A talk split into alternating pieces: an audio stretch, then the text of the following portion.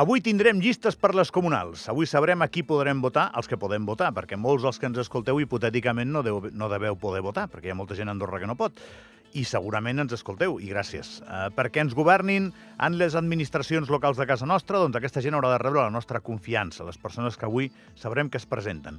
L'aproximació dels darrers dies ha estat més o menys igual que en totes les convocatòries anteriors. Molta trucada, molta reunió, molt dinar, molta gent amb cara de dissimular i que posa aquella expressió de no et puc explicar res, però estic desitjant fer-ho que és una cara que no us la sé explicar del tot, però què és aquesta cara, eh? La cara de no em preguntis, no em preguntis, no... però com em preguntis t'ho explicaré, perquè em moro de ganes d'explicar-t'ho. I al final, quan avui es facin públiques les llistes, apareixeran immediatament els comentaris clàssics de «Uala! Aquest es presenta per anar amb mi al col·le i el més tonto de la classe».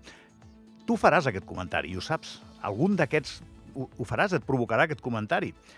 Uh, probablement el que fa aquest comentari sí que era el tonto de la classe. Probablement, vale? Uh, però vaja, algun i alguna que no sigui una eminència, hi haurà les llistes, jo us ho dic ara mateix.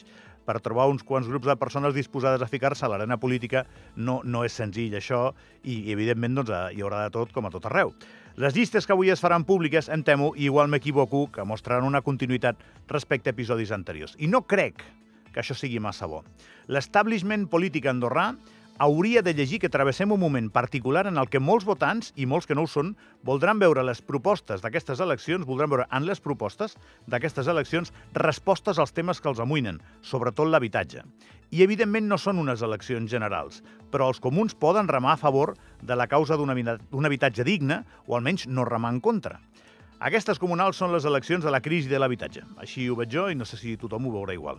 Clar que xerrarem d'altres temes més locals, però tots els candidats ja treballen amb els seus assessors, òbviament, en preparar discursos versemblants per poder semblar que formen part de la solució i no del problema. Ahir hi havia un article de Rosa Gil al diari d'Andorra sobre això claríssim, el tema de les torres.